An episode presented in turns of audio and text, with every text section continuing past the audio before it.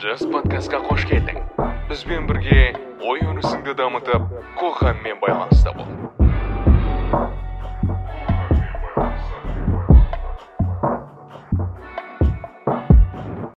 Ассалаумағалейкум баршаларыңызға. Қайырлы кеш. Кейбіреулерге қайырлы күн.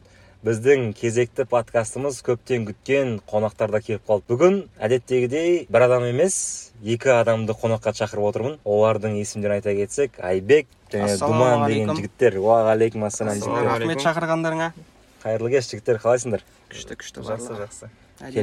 Келгендеріңе рахмет. Ал бұл жігіттерді таныстырып кетейін. Университет қабырғасында бірге оқыған күнделікті амандасып көрісіп жүрген одан кейін проекттерге ұлғасып кеткен өзіміздің дос жігіттеріміз. Былай айтқанда күнделікті қол алысып жүрген жігіттердің бірі. Сәлеміміз түзу сәлемімізді дұрыс айтады. Дәл солай. Ал қош келдіңіз жігіттер. Ал өздерің туралы айта кетсеңдер. Айбек бастасын иә мен айбек. Мен осы нұрлыбектің бір жылға шамасында таныс болғанымыз бірге проект жазамыз деп бастадық. Содан осы жас подкастқа келіп отырмыз. Қонаққа шақырды. Рахмет көп көп. Мен өзім шақыруымның бір себебі музыка жазамыз. Инди жанры. Нұрлыбек оған қатты қызығушылық танытты. Бірге думан дейтін досым екеуміз келіп отырмыз. Осы өлең жазуды бірге бастаған ең алғашқы қасымда жүрген серіктесім. Думан.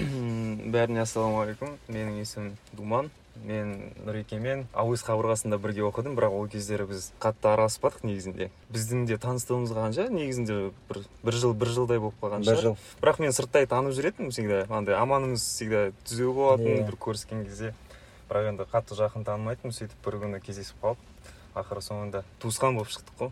Дұрыс айтады. Өте бауыр Иә, жақын бауыр болып рулас. иә жақын рулас болып шықтық. Дұрыс айтады. Сол айбекпен бірге сол кішігірім бір проект бастағанбыз. Негізінде бұл айбек бұл проектқа көп музыка саласында көп көңіл бөлген негізі айбек болатын. Сосын айбек мені өзінің жанына шақырып алды да сонымен мен айбекке былайша айтқанда поддержка беретін адаммын ғой.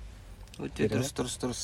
Мықты жігіттер рахмет. Тру тру жас подкастта фишка бар. Алдыңғы адамның берген сұхбаттың соңғы тақырыбы. М, келесі сұхбаттың басы болады. Соған байланысты бізде алдыңғы шадиз деген ә, айбек деген жігіттермен бір тақырып ә, тақырыпта бітірген болатынбыз. Яғни орта қаншалықты маңызды деген тақырыппен бітірген болатынбыз. Соған байланысты сол тақырыптарға кішкене кіріспе жасап кетейік. Сендер үшін орта қаншалықты маңызды? Мысалы екеуің танысқандарың ол да бір орта ғой. Үшеуміздің танысқанымыз бір орта. Соған байланысты адамның өсіп дамуына өмірлік бір жолына орта қаншалықты маңызды? Қалай ойлайсыңдар менің жеке объективті пікірім ойым 95 пайызға орта әсер етеді.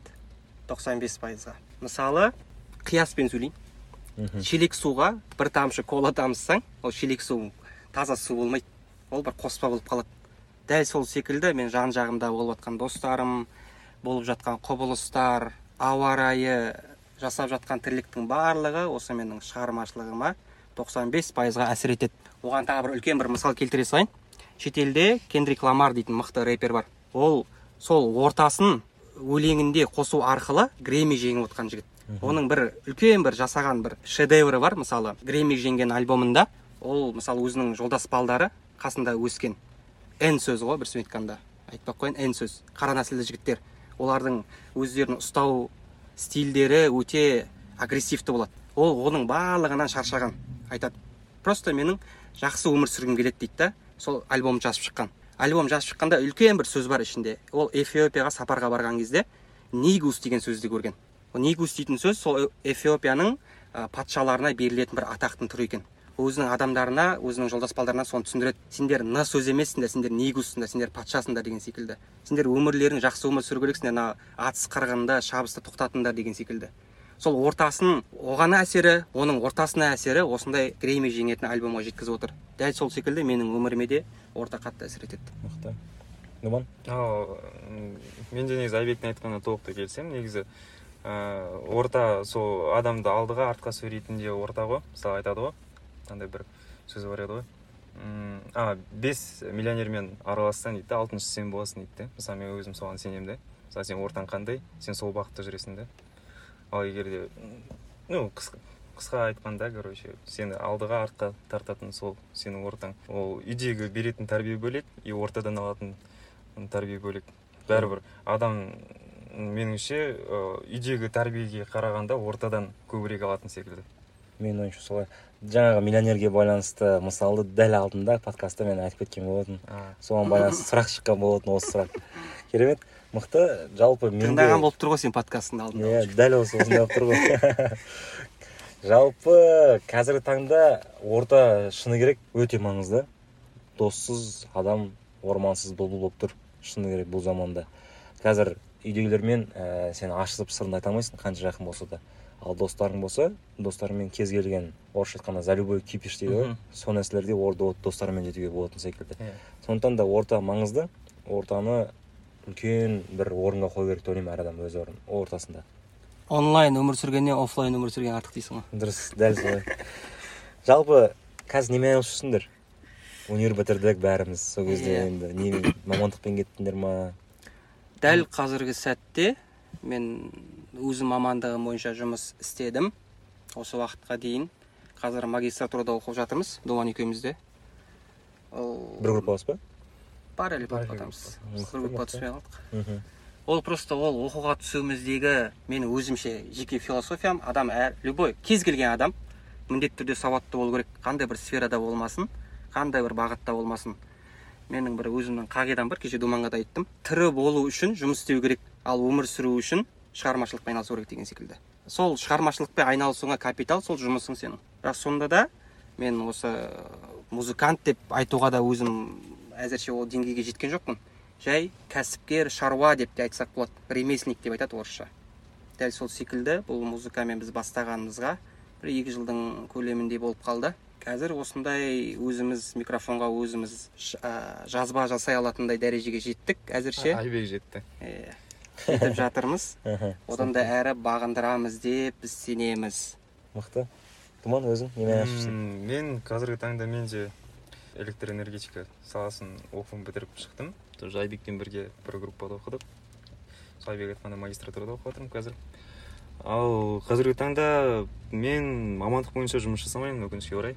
Мхм. Бәріміз сондай ғой иә мамандық бойынша жұмыс жасамаймын. Бірақ мамандық бойынша жұмыс жасап көрдім. Шыны керек өзімнің мамандығым. Енді қатты көңілімнен шықпады. Сондықтан енді басқа бағыт таңдау керек. Енді бағыт таңдағанда қазіргі шыны керек енді саған психотерапевт керек. жоқ былай ғой.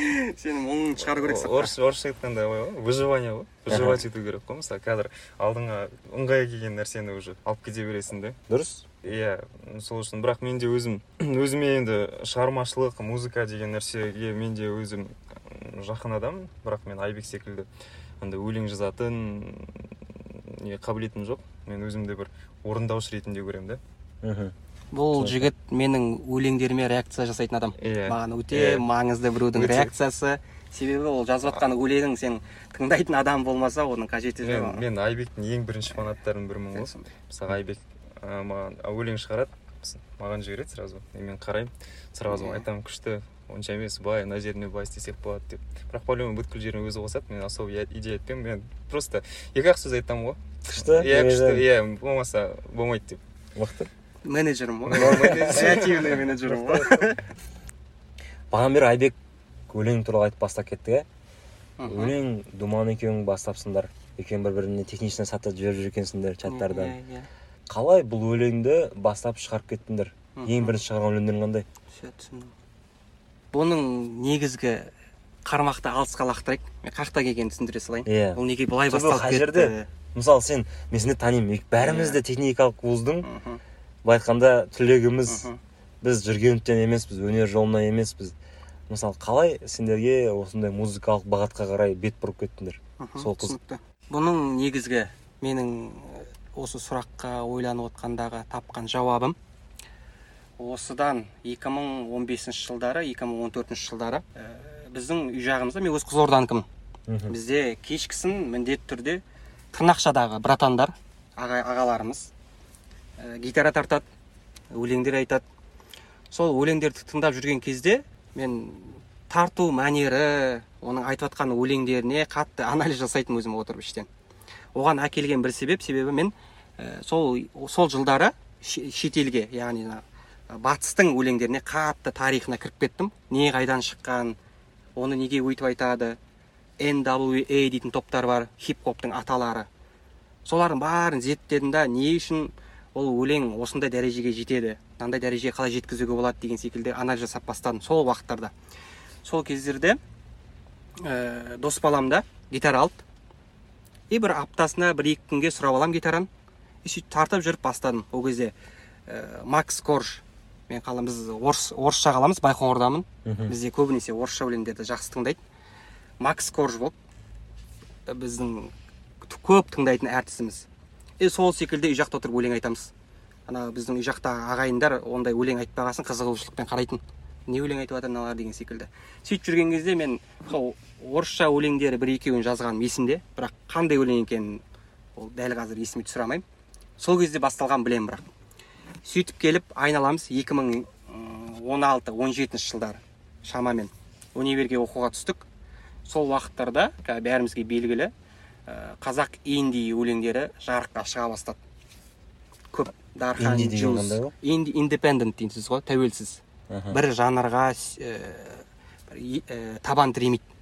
Өзі қалаған өлеңінің ішінде иірімдерді қоса береді. Рок болсын сол болсын фолк болсын ерекше деген емес па и сондайға да келтіруге болады олар. Ешқандай лейблға ә, ешқандай бір нормативтерге тәуелденбейді өлеңдерінде. Сондай ә, хит бола бастады. Ә, алматыға оқуға түстік арман қуып келдік бұл жерге. И соларды естігенде мен анау сол бастапқыда жазған өлеңдерім есіме түсті. Мен қазір бастасам мен осы бұлардың жаңағыдай маршруттарына ілесе аламын деген секілді. Бірақ сол оймен жүре бердім жүре бердім жүре бердім. Ә, мына жатақханада ойнаймыз балдар болып. Сол кезде де тағы ойланатын неге жазбаймын қазір бастап кетсем болады ғой деген секілді.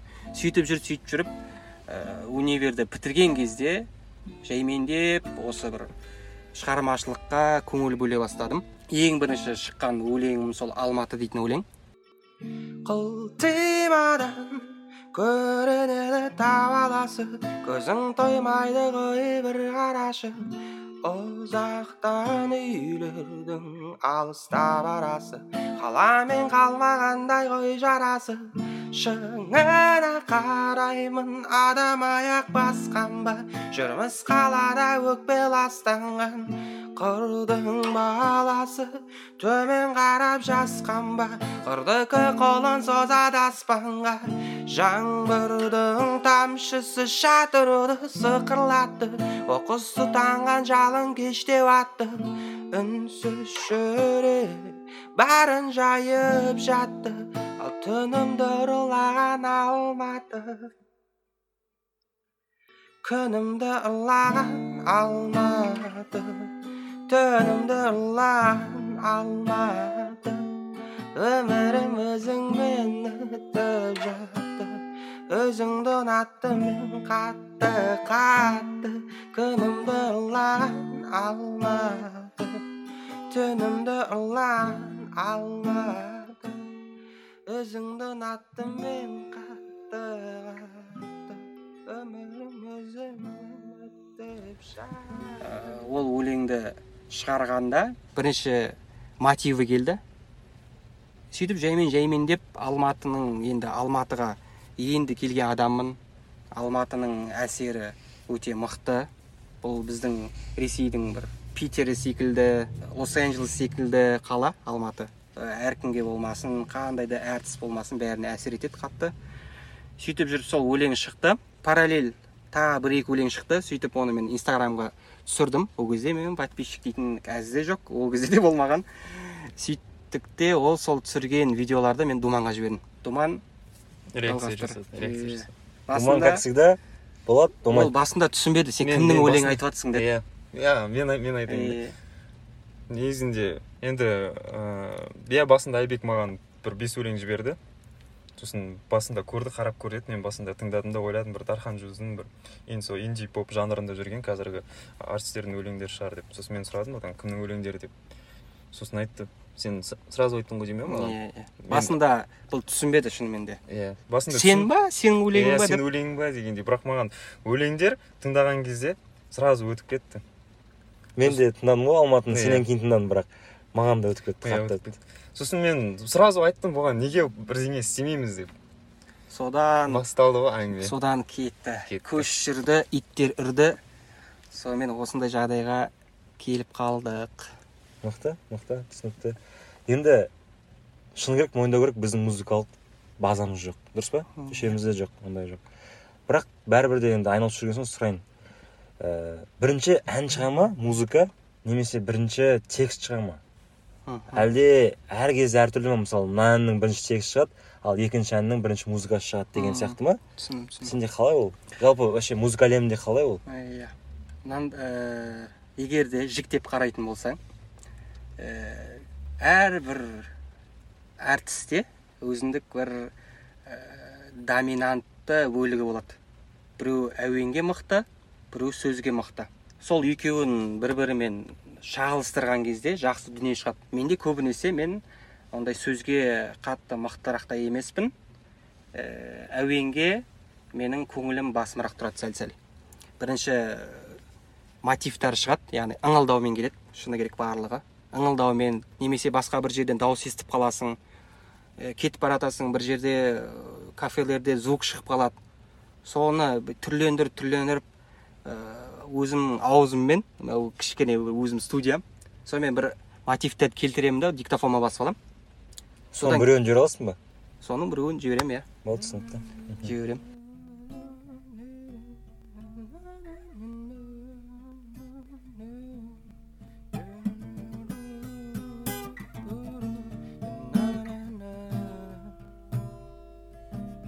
сендік сөзі мені сенің сөзің арбайды мені ә, сөйтем ә, сол жағдайдан кейін бірінші әуенін дұрыстап алғаннан кейін сол әуеннің өзінің бір мен өзімнің бір байқағаным ә, қандай да бір дыбыстың өзіндік бір материалдық бір тексті болады міндетті түрде. Сол шыққан мотивті ыңылдап отқан кезде сол бір ә, бір жазулармен тексттермен сәйкес келетін бір ә, нелер болады ә, жиіліктер болады. Сол жиіліктерге салып отырып текстін жазам. Маған бірінші кезекте ә, мотивті мен барлығын ала бермеймін. Бір ішіндегі керек керек мотивтерін жинаймын да. Ең жаңағыдай мелодичный деп айтуға болады ғой. Мелодичный деп айтуға болады. Соның мелодичный мотивтерін жинап жинап соған текст жазам. Текст жазған кезде де бастапқыдағы міндетті түрде ә, мелодияға бір ә, ішіндегі ең маңызды бір екі қатар кетеді текстта и сол екі қатарды ары қарай түрлендіріп түрлендіріп сол сонымен аяқталынады өлең. Менде. Солай. Енді менде солай болғанда мен ол сұраққа жауап бере алмаймын мен негізі. Өйткені өйткені мен өлең текст ештеңе жазбаймын. Мен тек қана реакция. Иә реакция жасаймын и сосын өзім жеке орындаушымын ғой өзім түсінікті. Думасын жазық деген өлең естідің ба айбектің? Жазық деген өлеңін ба естідің шыны шыны керек бар ғой мен ұмытып қалдым. Ә, ол айбектің өлеңдері көп болды ғой айбектің өлеңдері көп уже менің миымда каша болып отыр. Мен жазық деген өлең естідім. Мықты өлең.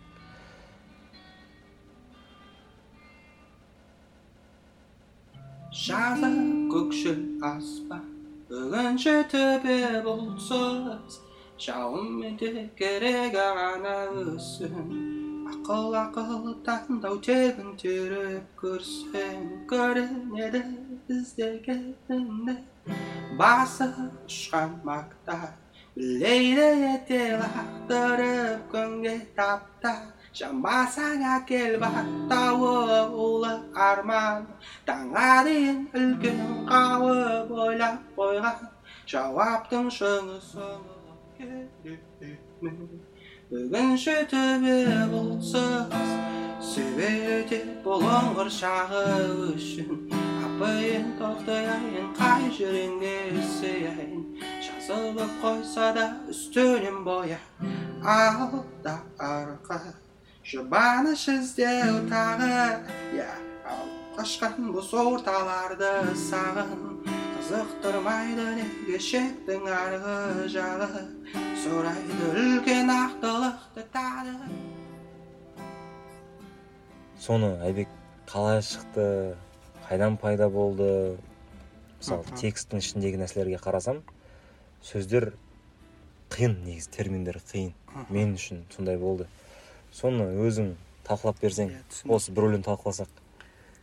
И бұл өлеңнің бір үлкен кісілер сияқты сөйлемейін. Шығу тарихы деп. Иә. Нұрғиса тілендиевтер ұқсамай.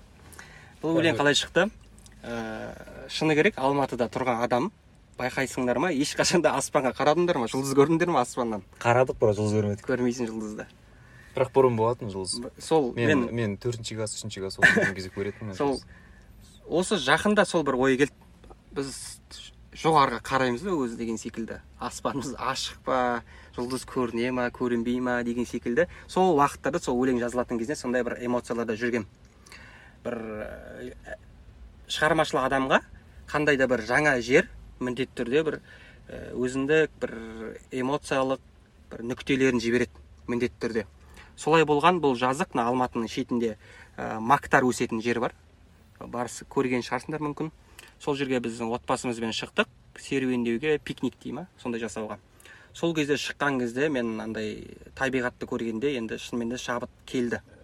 Бірақ мен ол шабыт келгенін сол, ә, сол сәтте түсіндім. Мен ол бұл өлеңді осы жерден кеткеннен кейін жазамын үйге баратқанда немесе қазір жазылады деп. Оны нақ білдім. Ыңылдап ә, мотивтер келді. Бірақ сол моментте мен текстін жаза алмадым өйткені. Қиын болды маған. Ана өйткені текстті міндетті түрде өзімнің көзіммен көрген өзімнің ішкі дүниемнен өткен нәрселерді жаза аламын басқа бір абстракты дүниелерді жазу маған өте қиын. Ә, сондықтан мен сол моментте сол табиғатты виде- видеоға түсіріп алдым. Әрбір детальдарын мен қазір текст жазған кезде қосу үшін. Дәл сол секілді осы өлеңнің екінші жаңағы ә, шумағында айтылады. Басы ұшқан мактар билейді етегін лақтырып деген секілді. Сол жерде мактар өседі. Анау мактардың жапырақтары жерге ә, тербеліп тұрған кезде енді бір ә, лоу-фай бір швейцария секілді болмаса бір айтқыз жеткізе алмаймын ол ә, эмоцияны. Сол эмоцияға сәйкес сол эмоцияма сәл сәйкес болады ау деген оймен осы сөздерді жазып шықтым. Ол жерде айтылған негізгі бағыттарым ә, дәл сол моментте үйге қайтып бара жатқанымызда жаңбыр жауды дәл осы сәт секілді. Сол кезде бір ой келді осы жаңбырмен ә, тек керегі ғана өссе екен жерде деген секілді арам шөптер ғана өспесе екен деген секілді. Жаңбыр осы жаңбырдың жаууымен бұлыңғыр мынау мысалы ә, қазір көп қой адамдар депрессия көп ә, мұңлы заттер көп. Солардың барлығы осы жаңбырмен өшетін болса екен деген секілді бір ә, армандаумен жазылды. Ең соңғы шумақта менің ә, жазған сөздерім қан мен тер дейтін кітаптағы сөздер. Ол сол сәтте ә, қан мен тердің соңғы бөлігін оқысаңдар түсінесіңдер оқыған адам түсінеді. Өлім сәтін әдемілеп суреттеп берген адам қандай тығырыққа тірелген кезде қандай адамда көз алдынан ә, бейнелер қандай да бір эмоциялар өтетін. Сол жерде айтылады ә, бұл дүние өзіңді өзің алдар алдарқаттаумен өтеді деген секілді. Өзіңді өзің сендірумен өтесің. Яғни ең соңғы шумақта айттым типа алдарқат жұбаныш іздеу мәні деген секілді. Алып қашқан бос орталарды сағын деген секілді кете береді. Сөйтіп жазылған өлең бұл. Мықты мықты. Мен сол алдарқатпен алдарқаттың өзін түсінбедім негізі. Мм. алдарқат деген не деп- сол мен ол ол сөзді тырнақшаға алып қойдым әдейі. Иә иә мен ол иә. сөздің түп мағынасына да жете қоймадым. Бірақ сол ә, сол жаңағы мәтінде суреттегенде сол сөздің не білдіретінін сөйлем бойынша түсіндім примерно шамамен. Мхм. Түсінікті. Сонымен түскен сөздер. Негізі маған айбектің өлеңдерінің ішінен ең қатты ұнайтын өзіме қазан 34 пе еді. Қазан 34 деген өлең естіп пе едің қазан сөз естімедім көзіңнен байқалады көзіңнен байқалады көзіңнен байқалады байқалады. Көзіңнен байқалады шаршаған білгісі ешкімнің келмейді оған сенгісі келмейді сенгісі шешілмеген сұрақтар көбісі арманым келмейді саған ергісі келмейді ергісі қураған жапырақ сыпырып әуре болма түскені өсуіңе себеп болады алаңдама тулап жел ұшқан санаңда қуаңдала шөлдеген жазықты қайта тола сол өлең енді сол өлең жаңағы айтып жатыр ғой енді. Лоу фай дедің ғой иә? Лоу фай деген негізі ә, аудармасы былай емес пе еді иә мындай бір ә, монотонный Иә, звук иә. монотонный дыбыстар ғой. Былайша айтқанда сені андай релакс ғой айтады ғой андай груз груз ә, бір мұңлы иә мұңлы мұңлы мұңлы дейді ғой. Мысалға сол қазан 34 мысалға ә, болады ғой.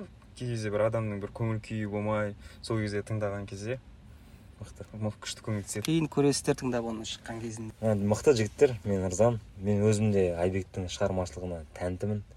Тыңдадым қанша рет барлық өлеңдерін деп айтпай ақ қояйын. Біраз өлеңдерін тыңдап шықтым. Сол байбек қанша өлең бар сенде? Өзің білемін есіңде емес екенін бірақ шамамен отыз елу жүз мен дейтін қазір дәл осы моментте саған көрсете аламын. Мысалы қанша? Мысалы қазір. Думан сен қаншаны тыңдадың өзің? Мен бұның өлеңдерінің негізі мен он шақтысын тыңдадым он шақтысын ба? Мен одан одан көп тыңдадым. Мен мен шыны керек бір жиырмадан аса өлең иә тыңдадым. жиырмадан асуын тыңдау мүмкін думан иә. Менде ол өлеңдер шамамен өзімнің есебім бойынша алпыс шақты өлең бар. Алпыс шақты өлең. Шамамен. Оның ешқайсысы жарық көрмеді ғой. Жарық көрмеді дегенде ғой думаннан артық адамға танылмады ғой. мен айналдырған өзім ортамның адамдары ғана тыңдады. Өзім жолдас балдарым ғана тыңдады. Түсінбеді басында барлығы? Әнші болып кеткенсің ба? Сен өлең жазасың ба? Не деген секілді. Барлығы өздерінің ақылдарын айта бастады. Мынаған салмайсың ба бүйтпейсің ба дамытпайсың ба деген секілді. Бәрі болады боладпен келе жатырмыз. Болады бұйырса. бұйырса болады. Негізі осылай жалғасқан дұрыс секілді да? Мысалға ыыы қазір айбектің багажында бір елу алпысқа жуық өлең бар иә? Мысалға әр мысалы өнер жолында жүрген мысалы музыканттарда болады ғой. Ыыы Кризис кризис дейді ғой. Иә. Мысалға кризис. Мысалы сол кезде мысалға айбекте мысалға негізі өнер адамдары мысалға кез келген өлеңді шығаратын кезде бір өмірінде болыватқан ыыы не енді в основном негізі менің ойымша музыкант деп алатын адамдар ше. Мысалы музыкант деп алатын адамдар олар өлеңді ауадан алмайды да өзінің өмірінде болып жатқан оқиғалармен қағидаларды өзінің ішіндегі мұңын жеткізеді. Ал сол кезде ол нәрсе бір күні болмасын бір күні бітеді. Сол кезде ә, музыкантта кризис басталады. Ал мысалға қазір айбекке мысалы айбек мысалы бір жылдың ішінде бүткіл өлеңде- өлеңдерін шығарып тастай алмайды да мысалы. Иә, иә. біз думан екеуміз осы тұрғыда мен айтқаным қазір есіңе түссе мүмкін мынандай бір мысал келтірдік сол кезде. Ә, қазіргі жас шығармашылықпен айналысып жүрген адамдар ә, бір өлеңді шығарады да бір өлең жарады. Иә иә одан кейін жасайтын дүниесі жоқ ананың. Мхм. аты өше береді амал жоқ ол жеңіл нәрселерге кетеді сосын. Сол кезде біз ойладық біз сол бір өлеңмен кіріп кетсек қазір одан кейін біз сол тоқырауға келеміз. Одан бере алмай қаламыз ештеңе. Иә бере алмай қаламыз. Одан да багаж жинаймыз. Ә, сәл сәл ә, жасымызға сай тірлік жасаймыз. Әңгімеміз де соған сәйкестендіріледі. Себебі егер де жаңағыдай ә, жасөспірімдік бір оймен өлең айтатын болсаң оның түбі жеңіл дүниеге алып келуі ықтималдық жоғары. Ә, ал біздің сол бастаған сәтімізде жасымыз бір 22-23-ке келіп қалған болатын. Ә, 17-дегі адам мен 22-дегі адам 5 жыл ол рөл ойнайды қандай да болмасын. Міндетті түрде иә. сөйтіп біз өлеңдерді жаза бердік. Өзіміздің кішігірім лейбл ашамыз деген секілді әңгімелер кетті. Бір кішкене қиялдадық біраз. Мгм. бүйтеміз ақша жинасақ Бүйтеміз, концерт мына жақта береміз деген Иә. секілді. даже бір студияларға барып сөйлескен кездер болды. иә. Әлі де сөйлесуге болады менің Иә. ойымша иә бояуы жайылып аққан қора үйлерде қираған жоспарларға көніп үйренді. Қасыңда не қалды не кетті үйдегі үйдегі. Балауса салпыншаққа толған әлемде таппадың өзгені өзіңді бір көлеңкесің босат басып тұрған мұңды бол еркін бол сен нені армандайсың шығарып салғандайсың сен нені армандайсың жібер қанатын жайсың сен нені армандайсың армандайсың шығарып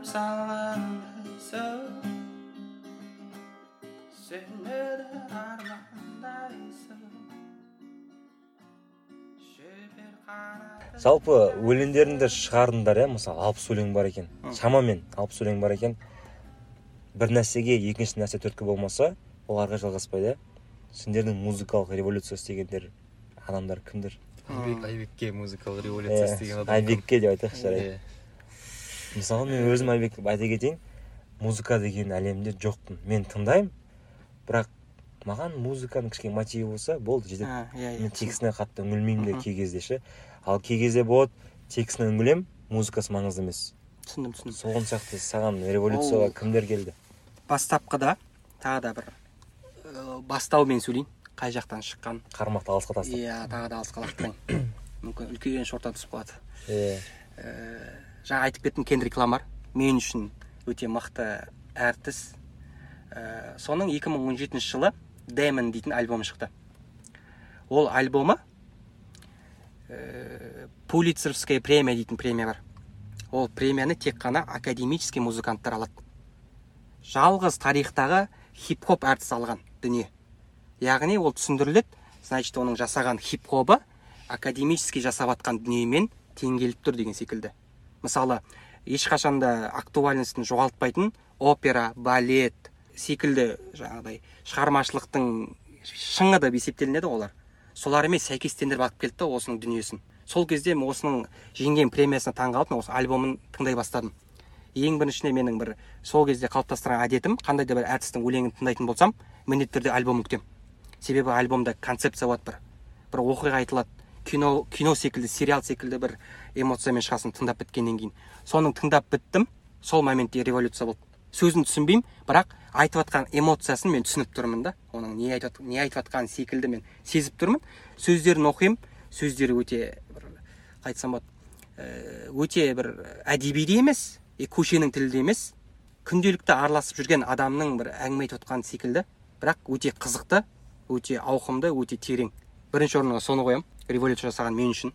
Екінші орында міндетті түрде әділ жәлелов скриптонит міндетті түрде. Өйткені қазақтың ә, балаларына үлкен ә, сенімділік берген әртіс деп есептеймін. Өйткені ол ресейде жүріп ақ қазақтың жігіттерінің қолынан шетел секілді дыбыс шығару келетіндігін көрсетті да біздегі қазақстандағы бүкіл қазіргі моменттегі менмен деген хип хоп әртістері міндетті түрде сол скриптониттің әсерінен болды десем қателеспеймін. Ол да маған әсер етті. Мен оның жақсы фанатымын. Ең бастапқы шығарған альбомынан бастап қазір соңғы дүниелерін бәрін анализдеймін қараймын не жазып жатыр қалай жазып жатыр. Ол адамның бір, ә, бір ә, қызығы маған өзіме бір жұқтырған ә, ауру деуге келетін шығар ол. Ол көбінесе ә, скриптный яғни бір құпия жүретін адам. Көп жерге интервью бере бермейді көп жерге өзінің өлеңін лақтыра бермейді. Жасайтын болса дүниесін өте сапалы жасайды. Интервью беретін болса өте бір ауқымды қылып жасауға ә, бір еңбектенеді. Сол маған қатты ұнады. И соны мен өзіме барынша көшіруге тырысып жүрмін. Үшінші кезекте осы 21 жылы маған үлкен бір үлкен қызықты болған әртіс сол адель. Ә, мына отыз дейтін альбом шықты. Тыңдап шықтым. Мүлдем бөлек әлем. Хип хоп мына бетте поп сол джаз ә, блюз бүкіл дүниесі бар адельде. Бір таңғалдырғаны оның бүкіл интервьюін қарап шықтым сол альбомы шыққаннан кейінгі. Өте мықты әйел мықты шығармашылық адамы. Семьясын өте қатты бағалайтын адам. Маған сол маңызды болды. Адамда шығармашылық болғаннан кейін ол бастан аяқ шығармашылықта жүру дейтін сөз емес. Ол міндетті түрде өзіндік бір принциптары құндылықтары болу керек. Ал сол адамның бойынан менің ұнататын құндылықтарым көрінді. Адель үшінші орынға қоятын осы топ үш мен үшін ә, революция жасаған адамдар. Менің ә, айтқан аделім аделім дей ма адель ә, соның жасаған өлеңі секілді менің де жасағым келеді. Маған стилі өте қатты ұнайды. Жақын ә, жасап жатқан өлеңдері маған өтеді бір сөзбен айтқанда сол жаңағы кендрик ламарды скриптонитті адель адельдің бәрін қосып бір синтез шығару ойым тек қана. Сол. Ой тұманында адасқан көз жанары қарауытып түнгі жағына ықылассыз көріп барамын тарылтып қойған дүниеңді бір ауыз сөзің тоқтап көңілді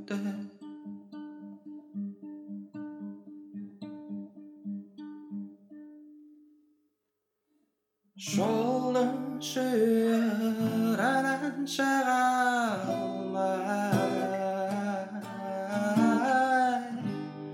шектелсе де түбүне ойламайтын тебелген тыныштық жакпаган жакталган сәт өртеп жіберді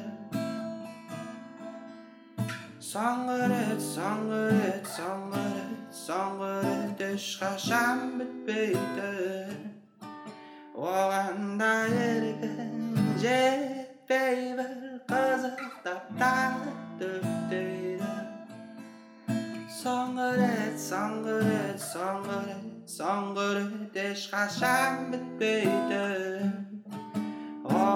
да еркін жетпей бір қызықтап мысалы мына жерде осындай маған сұрақ келді. Да Ә, қалай ойлайсыңдар сендер? Мысалға қазір ә, бізде қазақстанда жаңағы айтып жатқан инди поп дейді ғой жанр. Мысалы еркін бағыт. Мысалы қазір бізде бір үлкен қарқынмен дамып келе жатыр ғой. Иә. Мысалы соған себепкер болған кім? И не нәрсе. Мхм. Мм. мысалға саған сұрақ айбек жарайды. Менің Иә, түсінігімде ма? мен айбек ойланам дегенше мен Иә, мынандай айтып шығайын. Мен айттым басында айттым иә музыкалық әлемде жоқпын. Мен ол әлемде мүлдем. Жүзбеймін дейсің ғой. Иә ол мұхиттағы шабақ секілдімін ол жерде ше. Тізеге дейін барамын дейсің ғой иә. толыққа дейін ғана барамыз иә. Мысалы мен үшін ойлаймын инди дегендегі ғалымжан молданазар. Мхм міндетті түрде. Иә райм артур. Екінші ойлаймын. Мен білмеймін түсін- иә, иә өзім ойым жай ғана. Дұрыс қой. Және де тағы кім бар. Дауыр деген жігіт бар. Дауыр дауыр. Дауыр деген жігіт бар. Жақсы қарқынмен дамып келе жатыр орысша өлеңдермен әл хаям деген жігіт бар Иә, иә, осыларды мен айта аламын. Білмеймін мен осы өлең Мхм. осы кісілерді айта аламын. Айбек қалай айтасың? Менің ойымша бұл индидің дамып кетуі жеке ойым.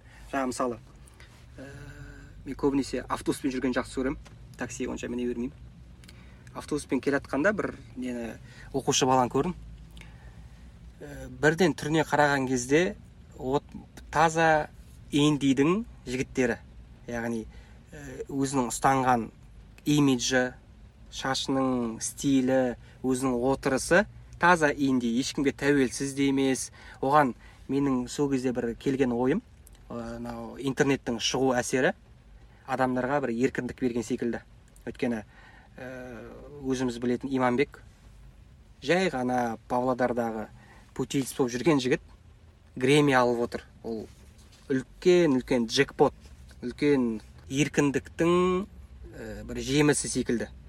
Қазақстан үшін ба иә менде жаңа айттың ғой сен ыыы индидің стилінде бір баланы көрдім деп. Иә. Мысалға қазір айтады ғой кей поп кей поп стилі. Сен үшін индиға жата ма ол?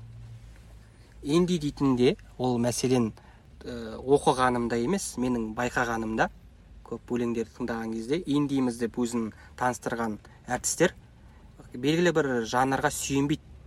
Ә, тек қана бір ә, сегіз аяқ секілді бір жерден ә, бір шабыт алады да бір рок мейлі роктан шабыт алады да оны өзінің ұнайтын бір бағытына салады да айта береді. Сол секілді кей попты да кей попты да мен артында поп болсын мейлі мен үшін инди. Өйткені ол тә- тәуелсіз музыкаларды өзінің тәуелсіз сөздерімен бір бірімен үйлестіріп жазады. Яғни индепендент дейтін сол тәуелсіз ештеңеге. Ол өзінің жа- қалағысы келген ә, жанрда қалағысы келген сөздерді айтады деген сөз. Бірақ сонда да ә, әрбір адамда бір принцип шек болу керек меніңше. Мхм түсінікті. Кезінде мысалы тойлы той жиындарға байлар хандар күйші әнші сазгерлер шақыратын болған.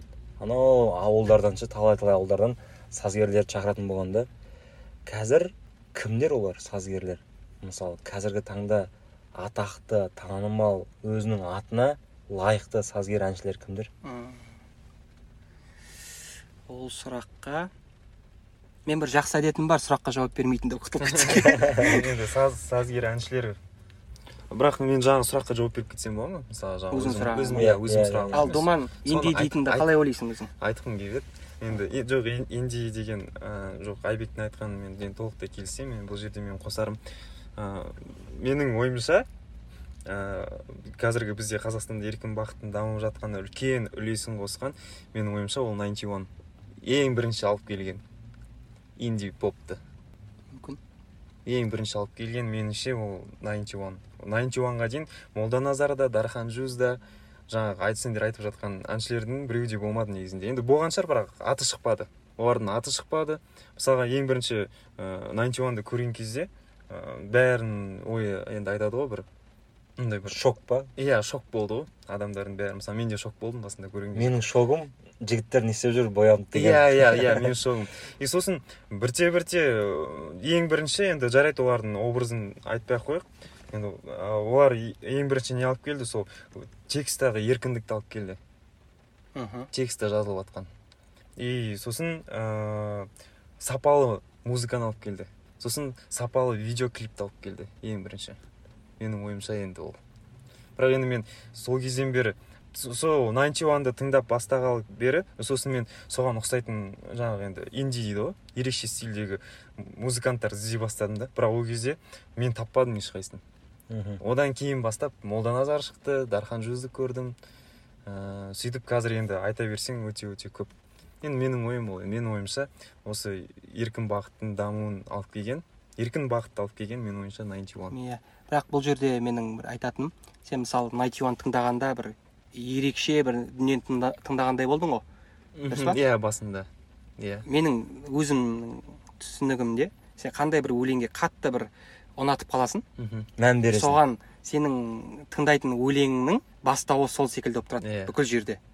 Осы бастап бермеген мынау болмайтын еді деген секілді. Менде ғалымжан молданазар менде менде мысалы ғалымжан енді мен иә. иә, иә. менің ойым ғой бұл жерде. мен сендердікі дұрыс дұрыс емес деп айтпаймын мысалы менікі мен- маған сол екі мың он бесінші жылы шықты ғой деймін иә.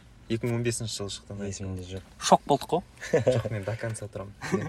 Иә мен просто ол жерде мен олардың ә, маған шыны керек ұнамағаны ә, өздерінің көрсету бағыты. Жоқ мысалға мен мен де образ бас- айтасың ба иә айта салайын соңына. Иә. Маған өлеңі ұнады. Ә, бір жасаған бір анализімде орда ғой олардың алдында тұрған адамдар.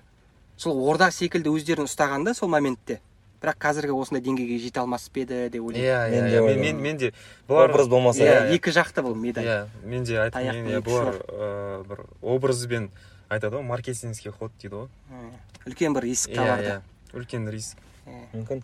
Иә тыңдармандар тоже жазып кетсін комментарийға. Олар үшін инди поп яғни инди бағыты қалай кіммен басталған? Міндетті түрде өздеріңіз ешкім білмейтін өлеңдерді тастаңыздар. Біз қараймыз. Мен өте қатты меломанмын. Любой жанр любой стильді қуана қарсы аламын. Иә айбек қараймын десе қарайды негізі. Бағанағы менің сұрағым бойынша жалғастырайық. Мхм. Сендер үшін сазгер яғни иә біз үшін әнші сазгер кім? Қазіргі қазіргі уақытта. Иә тойдың адамы болу керек міндетті түрде. Мхм. Меніңше болу керек оларда болу керек. Ә, адамдардың көп болмаса конкуренция болмайды. Сен егер де олар тойдың өлеңін айтпағанда мүмкін біз де сондай өлең айтатын ба едік мен ана тойды бір жек көруінде емес той күшті керемет дүние. Біздің ә, қазақ елінің үлкен қазынасы.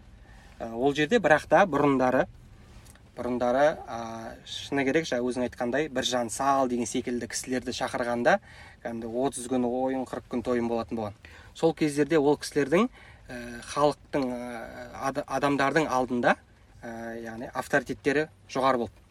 А қазіргі кезекте қазіргі кезекте екінің бірі біз сияқты мысалы қызығушылық танытып өзі сазгер өзі өлең жазады. Сондықтан бұл сұрақ қазір кім мықты дегенді оны уақыт көрсетеді. Ә, оны бір адам міне мықты деп айту үшін оның бүкіл ә, жасаған артқыдағы 5 жылы алдындағы 5 жылы болатынды алып диапазонды тексеріп көру керек өлеңдері қаншалықты. Қазіргі кезекте ә, бүкілі стримингқа тіреледі. Кімді көп тыңдайды ол яғни жасап жатыр. Өйткені халық көп жағдайда ол қателеспейді ғой тыңдайтын адам. Иә. Кім кімді көп тыңдайды яғни ол бір дүние жасап жатыр жақсы. Мен қазіргі кезекте осыған сүйеніп осы сұраққа сүйеніп ә, біздің тәуелсіздік алғанға дейінгі болған адамдардың өлеңдерін тыңдап жүрмін. Роза бағланова секілділерді. Маған өйткені олардың жасаған дүниелері қызық қызық. Ә, міндетті түрде жаңағы бекболат тілеухановтың жасаған термелері секілді маған ондай дүниелер қызық бұрын болған. Өлеңдерді анализдеген талқылаған қызық. Соңғы рет мен көргенім өте қатты таңғалғаным Нұрғайс- нұрғиса тілендиев болды. Оның ютубтан қараңыздар.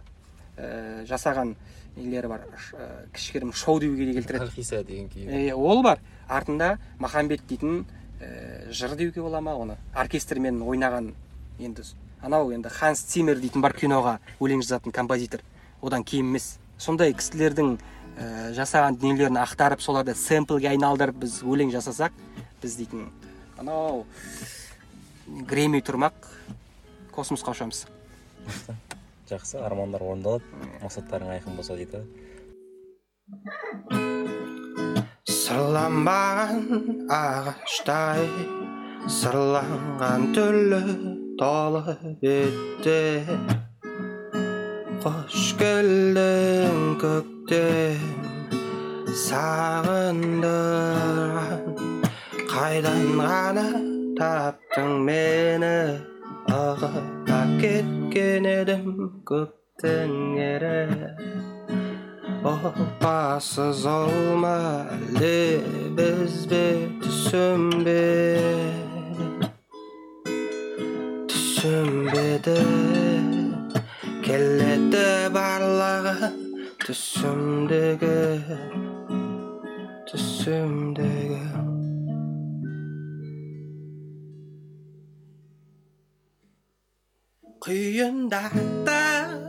жар тағы да тұтқында шылмаған мұңдықты көз ұйқыда көңіл мас қозғалмай қалай үніңді тыңдап құйындатты жар тағы да тұтқында шылмаған мұңдықты ту сыртымнан.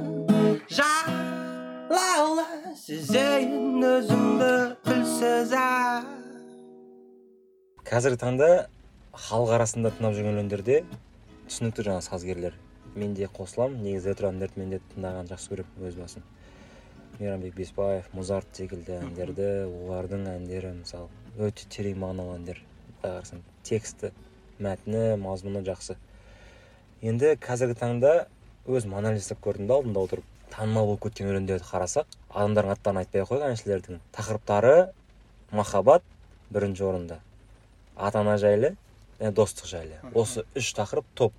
Яғни осы тақырыппен өлең шығарылса ол өлең 80 пайыз үлесі бар танымал болып кететініне. Ал айбектің өлеңдерінде мен ондай тақырыптар былай қарасам байқаған жоқпын. Өйткені тақырыптардың өзі нені армандайсың жазық бостандық көңіл деген секілді мысалы. Ой тұманы деген ой тұманы мысалы иә ол да бар. Алматы түтін дейді мысалы. Неге махаббат жайлы достық жайлы шағым келмейді? Жалпы қалай ол тақырыптар қалай пайда болады? Сен сен не- сен үшін неге басқа тақырыптар қызық деген секілді сұрақ. Мен, мен, жауап, мен жауап беріп кетейінші бірінші сұраққа.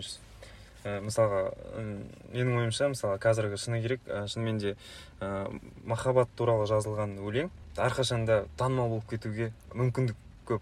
Хамалина ғой иә хамали науаи мысалға қазір қазір мысалы жастардың бәрін ә, не дейді ғой?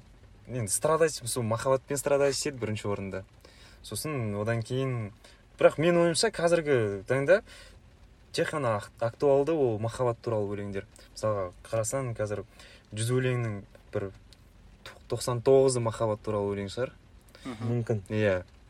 Мысалға и сон, сондықтан да олар танымалды танымал болып кете алады деп ойлаймын. Өйткені қазір жастардың бәрі қазір бір махаббатпен страдать етеді әйтеуір бір қазір драма деген фильмдер көп. Бәрі эмоцияға толып жүреді ғой махаббаттың эмоциясы. Сол бізде де басында айбек екеумізде айбекке деген сұрақ болды бірақ соны басында мен айтатын айбекке енді ә, бір фишка ретінде көретінмін да. Давай махаббат туралы өлең шығар. Иә иә айтқан есімде иә иә махаббат туралы. мен мен өйткені мысалға мен өзім көп музыка тыңдаймын көп өлең тыңдаймын мен енді меломанмын деп айтсам өтірік болып кететін шығар бірақ меломан емеспін мен өлеңдерді критиковать еткенді жақсы көремін. Критикпін дейсің. иә критик жақсы жібереді ғой иә жоқ. Кри- критикпін мысалға шыны керек өзіміз енді. тәрбиелеп алдық қой. Иә. енді махаббат туралы өлең енді қазір бәріне ұнайды ол ешкімге ұнамайды деп айта алмайсың. Сондықтан да сол кезде мен ойладым да бізге айбек екеумізге шығуға соны фишка ретінде қолданайық. Айбекке айтқам давай махаббат туралы бір өлең жазайық и соны студияға барып шығарып официально шығарып көрейік. И сосын сол кезде айбек маған бір күшті жауап айтқан болатын. Ана есіме түсір. Жауап айтқанда не деп айттым? Сосын шығармайтын болдық. Әйтеуір бір сөзбен махаббат туралы шығармайтынбыз деп келістік. Сосын айттым давай хотя бы ә, кавер түсірейік деп айттым. кавер кавер түсірейік деп айттым. Ә, кавер түсірейік и сосын кавер түсіріп сосын біз басында каверға кәдімгідей дайындалып жатырдық. Сосын бір кездері айбек тұрды да айтты мысалға маған келіп сразу мынандай мысал айтты. Мысалға қазір жкны жк деп айтқан кезде сенің ойыңа бірінші қандай адам келеді? Мысалға өзіңе қандай маған донер істейтін адам керек. Міне Иә. уже дайын Иә, иә. соны тауып тұрсың иә мысалы донер істейтін мысалға сол кезде мысалы маған жк десе вайнер. Вайнер мысалы маған донер жасайтын иә адам мысалы жк мысалы қазір не істеп жүр? Ол өлең айтып жүр. Менің сол сол мысалды тастағаныма бір себеп сол кімнің? жкның бұрында бір кішкентай кезінде айтып жүрген бір рэп өлеңдері келді да есіме. Өзінің по моему айтқаны бар сондай бір мен басында өлең айтып бастағанмын деген секілді ма? Содан шығып кетті ой мүмкін мен қателесуім мүмкінмін бірақ бұның ә, мәселе оқиғада емес мәселе оның философиясында болып тұр да. Е, қандай болып сен жұртқа таныласың? Ол сен қаншалықты сен басқа тірлікке көшсең де ол бір кли- клише сияқты сенен шығып тұра береді. Сосын біз сол жерде сол моментте ә, егер біз кавер түсірсек қазір біз ертең өзіміздің өлеңімізді шығарған кезде мынау кімнің өлеңі? Ана өлеңді айтсайшы одан да деген секілді әңгімелердің ә, жаңағыдай тобы көп құрастырылады да. Өздеріңіз куәсіздер қазір инстаграмда каверистер жетеді теңіз. Мысалы андай қарапайым мысал былай ғой мысалға қазір димаш құдайбергеновке мысалы рэп айтқызып қоясың ғой дегендей ғой мысалы сен елестете алмайсың оның да. рэпі күшті болса да Иә. бағанағымен танылып тұрады ғой иә иә иә Сол солай ғой. Түсінікті. Аха сонда сендер өздеріңді махаббат достық жайлы айтатын адам болып тануларың келмеді ғой? Жоқ енді ол айбек ол- болғысы келмеген шығар бірақ мен болғым келді. Мен болғым келді. Иә шынымен де иә думан сол кезде айтты солай сөйтіп жасайық деп. Оны осы тақырыптар махаббат достық ата ана дейтін тақырыптар негізінде өте бір андай терең тақырыптар негізінде. Ә, екінің бірі ол туралы жақсы бір жеткізе алады деп айта алмаймын. Оны жеткізу үшін міндетті түрде бір жып жымыр бір тегіс қылып әдемі бір кейіпте бір патносқа бір әдемі салғандай қылып жеткізбесең оның бір татуы кетіп қалатын секілді. Өйткені ол ата ана достық махаббат дейтін бір андай киелі түсініктер ғой негізінде. Оны андай әрбір өлең сайын оны еске түсіру әрбір өлең сайын оны айта беру ә, білмеймін бір жалықтыратын секілді. Мысалы сен бір жақсы көретін адамыңа әр кез сайын сен жақсы көремін деп айта берсең ол сені жа- жақсы көрмей кету ықтималдығы жоғары ғой. Сен оны бір керек кезінде айтып тұрсаң ол бір оған бір қалай айтсам болады оның ә, бағаланып жатқанын қатты сезеді күнде айтқанға қарағанда меніңше. Ә, ал жаңағыдай осы тақырыптарда неге жазбаймын? Оған жазуға мүмкін келемін. Адамға өзгеру табиғатынан мүмкін сондай бағыт сондай тақырыптарда өлең жазу мүмкінмін. Бірақ та ә, қазір қазіргі жағдайда ол тақырыптарды ашатын менде ә, басымнан оқиға өткен жоқ. Ә, жа- басында айтып кеттім өзімнен бір қандай да бір оқиғаны істі өткізбейінше жаза алмаймын. Бірақ жазған кезім болды. Ол бір адамдардың жасаған оқиғасы көзіммен көргем істерімді. Өлеңге түскендері бар оны ә, бұйырса тыңдайсыздар. Оның артынан ә, жаңағыдай джинис сияқты талқылап береміз сол сол өлеңді де қосуға бола ма негізі? Болады бар болса қосуға болады сол өлеңді қосайық та.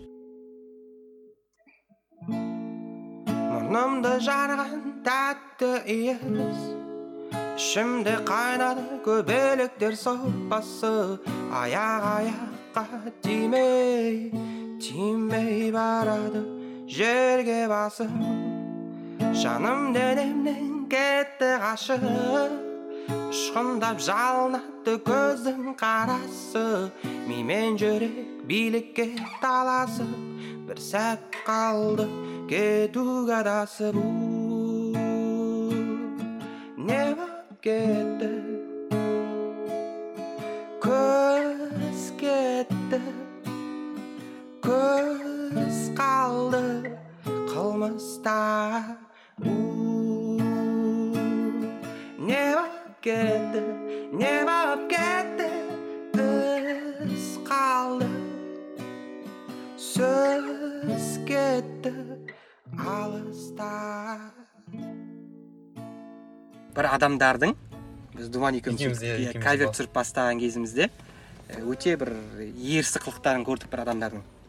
Яғни ол жаңағыдай сезімге беріліп ә, қандай да бір керек емес. Минус эмоциялар, эмоцияларға беріліп өзінше бір махаббатын бір ғашықтығын көрсеткісі келген адамдарды көрдік. Сол кезде шыққан өлеңдер бар. ол бірақ ол өлеңдер иә. айта бер айта бер. Ол өлеңдер бірақ тікелей махаббатқа қатысты емес. Бірақ сол махаббаттың айналасында бір Қатты- суға тас тастаған бір- секілді. бір күндік апалях иә. Мхм. Бір күндік иә махаббат. бір күндік бір махаббатты күндік- жақсы көретіндерге иә. айтылған ғой түсінікті. Жалпы қорытындымен келген кезде сендер танылған келген сфера ол махаббатпен былай айтқанда мұңайып жүрген жігіттерге емес қой өлеңдерің иә. Иә. Мысалы шынымен де жаңа думан мысал келтірді ғой хамалида ше мхм.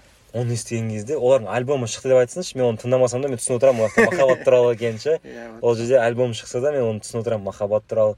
Жақалипті да кішкене уже түсінуге болады қай сферада жүргені қай тақырыптар қозғайтынын уже білуге болады. Сол сияқты ал сендердікі негізі былай қарасам мысалы сен танымал әнші деп есептейік сендер ән, әндерің шыққан кезде мен үшін жұмбақ болуы мүмкін. Өйткені сендер тақырыптар мынандай. Мхм. банальный тақырыптар жоқ мына жерде. Мысалы мен осы сұраққа тағы бір қоса кететін м4 дейтін рэпер бар.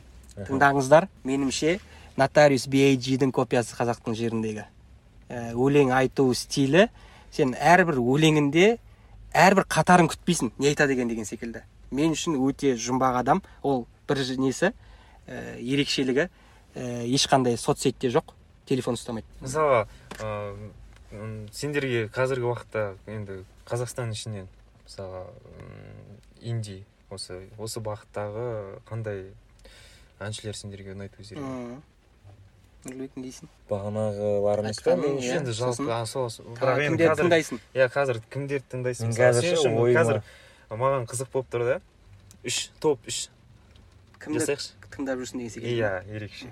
Ол қазақстандық қазақ әншілері болу Иә, керек па осы қазіргі әншілер, кезде жаңа иә. лектің адамдары деп тұр ғой сұрақ жаңа лектің адамдарынан. Райм артур сол баяғы. Лек дейтін болсақ. Мирас жүгінісов десек болады бірақ ол индияға кіре ме екен? жата береді жата береді. иә. мирас жүгінісовтың дархан жүз. Ол міндетті түрде. Топ төрт болсын маған. Топ үш жоқ топ үшпен қоя салайық осы Иә. иә меніңше меніңше ә, міндетті түрде иә жаңағыдай дархан жүзді қоямын. Мен топ бес айтайыншы иә. Мхм. өйткені адам көп қазір. Мен тыңдап жүрген қарап жүрген ақтарып жүрген адамдар. Міндетті түрде бірінші дархан жүз. Ол сол өлең шығарған кезде мені менің де жасаған жасайын деген ойым бұрында осы мектеп кезінде осындай болатын. А мен сол дархан жүз шыққан кезде ойладым а осы ғой мен айтқым келген деген секілді. Бірақ менде көшіруде емес мәселен өзін- өзіндік бір индивид болуымда. Бірінші очередьта дархан жүз. Ә, екінші очередьқа екінші кезекке ә, мен кімді қоя аламын? Желтоқсанды қоя аламын. Маған жасаған өлеңдері ұнайды. Ол тоже бір ә, жұмбақ адам секілді маған. Жасаған айтқан өлеңдері жылтырақтар дейтін өлең тыңдаңыздар ютубта. Өте сұмдық клипі бір кенни уесттің клипі секілді. Ә, одан кейінгісі үшінші орынға. Ә, дьютонз гитарды қоя аламын. Жақсы жігіт. Біздің қазақстанда фрэнк оушен секілді. Өте өзіндік бір стилі бар. Өзіндік бір флоу бар өзін ұстау да бір өте қызық. Тайлер the креатор дейтін бар. Сол секілді ұстайтын секілді ма маған сөйтіп көрінеді. Ә, одан кейінгі төртінші орында төртінші орын емес енді мен есіме түскенде айтып отырмын әр, Иә. әрқайсысын орнын мен бөлмеймін. Ашат қайролланы қоя аламын. Иә Ә, танимын оны былай сәлемім түзу бір қатты араласпаймын бір қалай амандық сұрасуымызға ә, арамызда көпір бар. Соны қоя аламын. Ол бір джеймс браун секілді. Біздің қазақтың жеріндегі соңғы ә, құмсағат дейтін альбом шықты тыңдаңыздар. Бәрін реклама жасап кете берейін да. Өте бір ә, бір осы біздің степ яғни кең байтақ даланың бір жазы секілді айтқан өлеңдері. Ол өзі бір актер жігіт негізінде. Өлеңде де өте керемет орындайды. Сосын тағы бір айтатыным.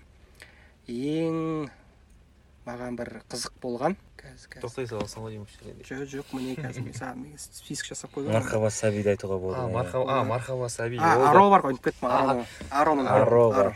вот аро ол үркермен бір қалай айтсам болады жазды қосып қойған секілді. Бір халық әндерімен қазіргі Иә, өлеңді қосып иә. жүрген секілді да. Иә. өте бір қызық синтездер. Осы жігіттер маған қызығырақ қазіргі кезде. Қазіргі лектің адамдары жатып алып тыңдауда емес оларды. Маған қызық жасаған дүниелері. Мен көбінесе бір шетелдің әншілерін тыңдаймын қазіргі уақытта. Думан өзіңде? Мен үшін енді жаңа айбек айтқан аро маған ароның шығармашылығы айбек айтқандай қатты өзіме ұнайды. А, екіншісі қазір шығып жатыр ғой калифорния деген вот соны прямо обожаю. Жақсы көремін мен оны. Иә уикенд қой бізде соны жасап жатқан стилі өзінің образы өлең айту манерасы қатты ұнайды. Өтеді. Көз тиеді дейтін подкастты көрген жоқсың ба? Келген. көрмедім кішкене көріп қалдым иә. Сол калифорния калифорния ұнайды. Маған өзінің ұстауы андай ғой. Ол ол адамды андай бір өз өмірде маған былай көрінеді енді өмірде танымаймын да. Енді бәрін экран артынан көріп жүрміз ғой. Сондықтан былай маған ол адам былай көрінеді маған өмірде қалай экранда да солай. Бір М. андай не дейді? Қарапайым? Иә трушный ма? Иә қарапайым. Мысалы сөйлегенде де мысалға мәнерлеп сөйлеуге тырыспайды да. Ойында қалай бар солай жеткізеді ғой сол сол ұнайды маған бар ғой адамдардың сондай қасиеті. Керемет. Ал үшінші орынға мен қоятын едім. А білмеймін мен бірақ мен найнти уанды қоятын едім. По любому мысалы қазір мені үйреткен думан. Машинасында қосады мынандай өлең шықты тыңдашы деп. Мысалы, зактың зактың альбомын тыңдаңдар. Жасырын иглздар дейтін еді жасырын негізі шыны керек мен басында солай болдым мен жасырын иглз бол енді иглз деп айтпай ақ қояйын бірақ мен басында найнти уан қалай шықты? Ыыы содан бастап басында енді бір бір бір бір аптаға шок болдым да одан кейін бір бүйтіп зерттеп кеттім ба или көп тыңдап кеттім ба құлағыма жағымды болып жағым- жағымды бола бастады. Одан кейін образдарына да көзім үйрене бастады. Сосын тыңдай бастадым бірақ сол кезде мен басында ұялатынмын. Адамдарға айтуға ше найнти уан маған ұнайды найнти уан өлеңдерін. Ана телефоныма да өлеңдерін тығып қоятын. Иногда жанында найнти уанды ұнатпайтын адам отырған кезде оны удалить етіп тастаған кездер болды ғой сол үшін. Сосын қайта үйгеріп жазып аласың.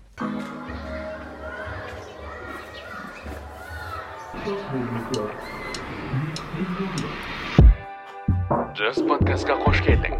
Бізбен бірге ой өрісіңді дамытып қоғаммен байланыста бол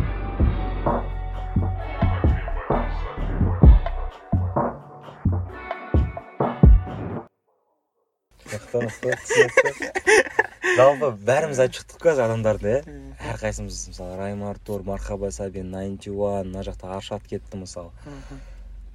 Олардың барлықтарының әні қазақша емес. Шыны керек. Бар ішінде. Иә. қазақша мен орысшаны араластырып ән айтатын ше мысалы бірінші куплет бірінші шумақ. Қазақша қайырмасы аралас екінші куплет толық орысша. Осындай. Сендердің осы стильге көзқарастарың қалай? Мысалы сендерде ондай әзірше өлең жоқ араласқан орысшамен Иә, мен тыңдадым. Бірақ болашақта болып қала ма немесе ондайға негізі жаман қарайсыңдар ма? Қалай? иә, дұрыс па бұл? Біріншіден ә, мен ешқандай тілді бір шеттетуде емес ойым ә, адам көп тіл білгені өзіне жақсы. Ә, меніңше ә, менің өзімнің жеке тәжірибемде осы кішкене бір жылдық екі жылдық тәжірибемде маған бір тілді болу ә, жақынырақ ә, ыңғайлырақ десек те болады. Өйткені ә, пазл қылып жинаған кезде мен концепт, концепциямды біріктіру оңай болады бір тілмен. Ә, егер де қазіргі кезде бірақ нарық ә, екі тілді болып сөйлегендерді көп тыңдап жатыр. Иә. Ә, яғни сол стильді қалайтындар көбейсе онда жұрт жасай берсін мейлі. Бірақ та ә, болашақ меніңше ә, бір тілді дүние жасауда деп ойлаймын меніңше өйткені өзіме жақын айтып кеткендей мен миымда жүрген ойланып жүрген концепциямды жеткізуде бір тіл оңайырақ. Бірақ та бірақ та мысалы мысал келтіре салайын. Мароккода ұмытпасам африкада. Марокко ма? Ә, сөздердің арасында французша қолданады сөздерді. Кіріп кеткен оларда ол французша неге қолдандың деп айта алмайды уже уже деген секілді міне үйреніп кеткенбіз. Деп сөйлей береді. Бізде мысалы қанша жыл айта кетейік. Ә, отар болдық енді сол жетпіс жылдық отарды сен отыз жылда қазақша сөйлеумен жоя алмайсың. Оны жою үшін бір уақыт керек. Өйткені 30 жастағы жігіт енді аяққа тұрып жатыр. былай қарасаң иә. Иә. Жалпы халықта сұраныс болса неге шығармасқа? Иә, неге жасамасқа дейсің ғой неге шығармасқа иә дұрыс жасамасқа бірақ мен халықта сұраныс болса да өз басым мен өлең шығармаймын бірақ қазақша болғанын қалайтын едім негізі мен мен де солай айтқым келіп отыр. халық не десін? Халық орысша өлең шығарып беріңдер десе де сенің стилің қазақша болса неге сен өзіңнің стилін бұру керексің? Ә, мысалы мынада ғой адамның сол стильді бұруы өзіндік бір сенімсіздіктен туады ол негізінде. Адам егер өзіне сенімді болатын болса өзінің жасап жатқан дүниесі өтетініне сенімді болса оны жұрт тыңдайды. Ал егер де сенімді болмаса жаңағыдай жеңіл желпіге ананы қоса салдым мынаны қоса салдым дегенге жүгіріп кете салады. Мен ешкімді айыптап жатқан жоқпын бірақ сондай адамдар бар. Мойындау керек. Көңіл күн секілді жарқырағанынан артық Olen asılır kızdırır Şılık kare ısık kare kızdır beni Koyu Tomanda davul Alıp gitse Uğun caygan ay tübüne оның асылы қыздырып жылы қайсы қай қыздырған еді қою тұманды дауыл алып кетсе уын жайған ай түбіне тартып кетсе қиын болар қиын болар әйтпесе ішіңнің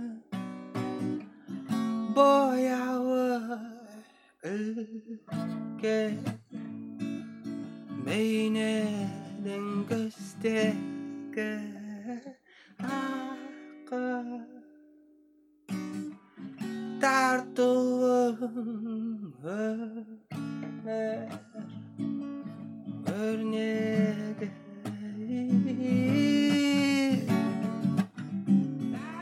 түсінікті енді қараңдар бір бастан әрдайым екі бас жақсы міне екеуің қосылдыңдар айбектің фишкасы думан думанның фишкасы айбек дұрыс па бұйырса тыңдармандардың арасында сендердің өлеңдерің ұнап мысалы команда құрастырайықшы.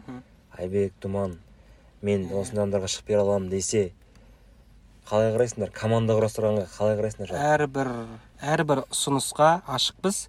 Егер де ә, видео түсірумен енді айналысып жүрген адамдар болса ә, немесе ә, жаңағыдай осындай подкаст секілді болмаса бір сериалдарына киноларға өлең жазу керек деген секілді болатын болса бүкіліне ашықпыз.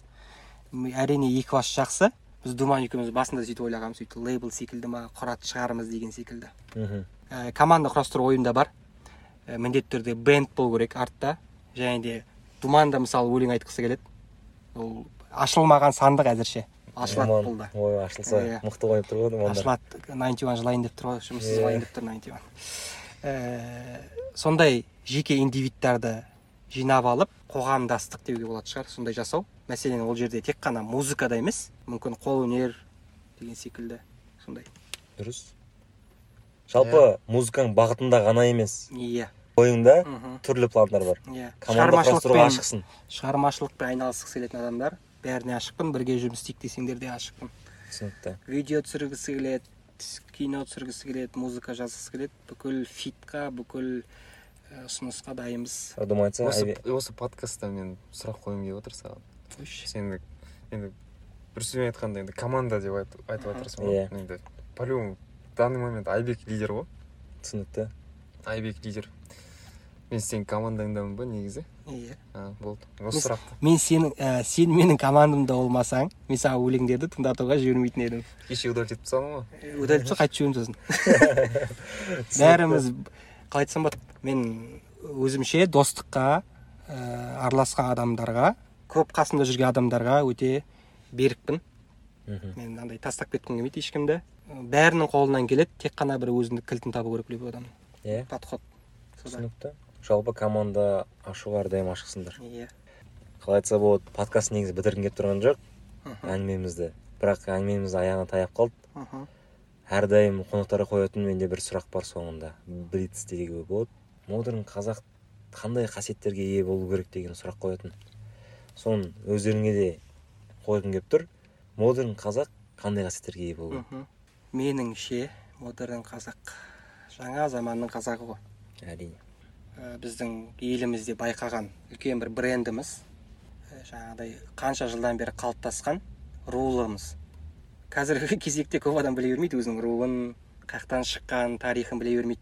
Соны ә, қараған зерттеген адам біріншіден меніңше заманауи адам. Екіншіден ә, киіну ә, ішіп жеу міну бір нәрсені көру ол адамды заманауилық деп ә, таныстырмайды меніңше. Өйткені мысал айтайын айсұлтан сейітов па фамилиясын ұмытып қалдым. Режиссер иә режиссер бар ғой. Сол японияға барған кезде бір жақсы бір оқиғасын айтып қалды. Мен одан естіген жоқпын енді подкастта естідім тағы бір басқа. Ол подкаст сенікіне жетпейді бірақ. Ол айтады ә, японияда адамдар ә, егер де бір шыққан технология өзіндік бір ә, мұқтаждығын жоймаса ол жасай береді. Мысалы адамдардың көбісі әлі күнге дейін ол жақта жаңағы видеокассета бар ғой. Прокатқа алып көре деген плеер тыңдай деген. Бірақ біз білеміз япония бөлек әлем секілді. Жаңа басқа бір инопланетяндар секілді көреміз. Ал негізінде олар салт дәстүрін жақсы ұстайды. Жаңағыдай өзіндік ә, жаңағыдай қолданысын тоқтатпаған дүниелерді ә, жасай береді. Прокатқа алады киноны біз қазір ютубтан гуглдан көреміз бүкіл нәрсені. Оларда бір сондай бір қандай да бір заттарды бағалау жақсы ә, кіріп кеткен өздеріне. Бізде сондай бір ә, қасиетке ие болсақ ә, біздің модерн қазақ болуымызға ә, бір септігін тигізеді. Яғни қорытындыласақ біріншісі ол өзінің тарихын білу ода өзінің басқа ұлттан болуы деген секілді мазаландырмайды. Сен қазіргі моментте қай жердесің? Сен бұл жерге қалай келдің? Яғни сен модерн осы жерде модерн қазақ болу үшін сен қандай ә, сатылардан өттің деген секілді. Екіншісі ішіп жеу мына материалдық дүниеде емес заманауилық деген секілді.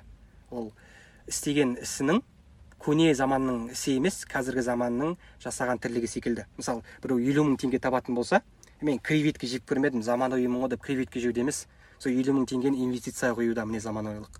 Яғни сол үшінші жаңа айтқандай япониядағыдай өзінің құндылығын өзінің қолданысын жоғалтпаған нәрселерді өзінің шегіне дейін жеткізіп ұстау. Яғни әрбір затты бастағанда жаңағы орта жолдан тастап кетпей модернмын ғой деп әр жерге секіре бермей бір бағытты до конца ең соңына дейін жеткізу сол бізді модерн қазақ болуға әкеледі деп ойлаймын. Мықты жауап. Думан? Мен даже не айтарымды білмей қалдым. Менің ойымша өзінің осы өмірден таба білген өзінің орнын таба білген өзінің бағытын өзінің сферасын и соны дамытып сол жолда дамыған адам мен үшін модерн қазақ. Мынандай бір күшті бір адамның мысалы бар атын ұмытып қалдым. Ол атақты біздің қазақстандағы ә, машинамен кетіп бара қазақтар дейді да. Артқы терезеге қараса дейді аттың ізін көріп жатыр әлі күнге дейін дейді да. Машинаның дөңгелегін іздемес дейді. Көшеді бурылмақталар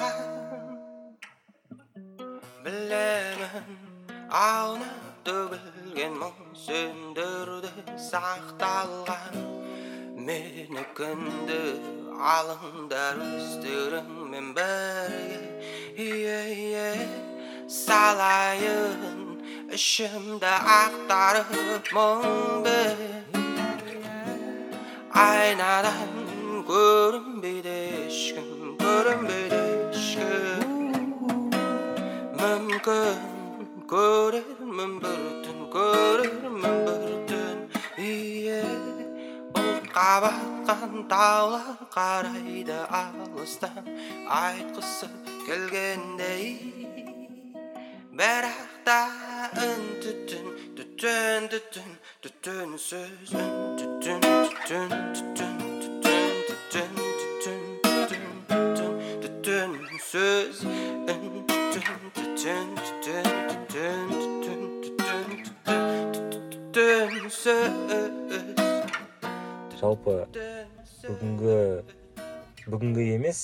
осы жас подкаст проекттеріне өздерінің ыстық лебіздерің болса қандай жоба ұнады ма сендерге? Жалпы сізде өздеріңнен бір тілектер фидбектер болса. Иә жалпы негізі мен жас подкастты енді бүткіл подкасттың бәрін тыңдадым деп айтпаймын.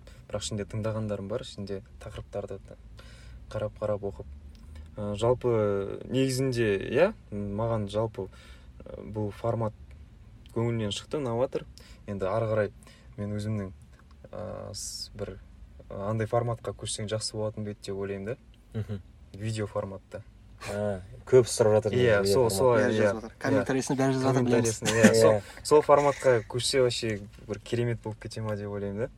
Ал жалпы енді осыдан тоқтамасын ары қарай өсе берсін өрлей берсін. Сөйтіп бір жемісін көр. Әрдайым негізі фидбек алған жақсы бізге. Мхм. иә мысалы осындай видео форматта істесеңдер деп Иә, айтады ғой. Бұл ыыы, көп естідім бұл туралы. Нұреке видео форматқа көшші видео форматта көшші деп жатыр да. Не себепті екенін білмеймін бірақ видео форматты көбісі қалап жатыр. Иә. Өйткені қазіргі кезекте адамның бейнесі рекламасы важнырақ Иә. жасап жатқан дүниесіне қарағанда. Адам Дұрыс, дұрыс. кім айтып жатыр соны? Көргісі келеді любой жерде. Қай жерде болмасын. Мхм. видео форматқа көшіледі қорықпаңдар бәрі болады. Иә менің лебізім жас подкаст өте керемет. Енді мен де шын айтайын бәрін тыңдаған жоқпын бірақ қарап шықтым. Комментарийлердің бәрін оқып шықтым бірақ подкасттарының. Кім не айтып жатыр таң қалдым өте өте интеллектуалды сөздерді естідім. Аз да болса да ә, әзірше әзірше ә, жазылушыларың. Ол сапалы байқауымша. Ол Иә. иә. ішінде бір өзімді андай ең төмен мен иә бірақ істеп жүрмін иә иә мен не істеп жүрмін деген сұрақ келді ғой осы жерде мысалы менде басқа подкастта енді не дейді сұхбат дей ма? Подкастта келген қонақтарды қарайсың ғой сол Иә, кезде қараған кезде. Енді бәрінің андай сөйлегендері де ойын жеткізуі де өте керемет бірақ маған ұнап отырды. Сол кезде мен де осылай елестеттім да мен мысалы мен де қазір подкастта болсам қалай жеткізетін едім деген сол сәттен бұйырып тұр иә бұйырып тұр. Бірақ енді солармен салыстырғанда енді мен өзімді бір төмен дәрежеде сезініп қалдым шыны керек. Жоқ ол мен саған білесің ба нұрлыбек сондай сұрақ қойдым ғой маған дейін келген адамдардың тірлігі менен үлкенірек қой мен қалай барамын деген секілді мен де айтқанмын иә иә менде де сондай сосын айтты бұл музыкалық подкаст болады да болды біз думан екеуміз деладамыз подкаст күшті керемет шақырғандарыңа рахмет тыңдаңыздар жазылыңыздар достарыңызға таратыңыздар міндетті түрде бұйырса егер де біз егер де емес атақты болып кетеміз бұйырса сол кезде осыларды біз бірінші тыңдадық деп айтатын адам онымен есіктер жабылуда жас подкастқа қош көрдік. Сау болыңыздар қайырлы түн болсын дей ма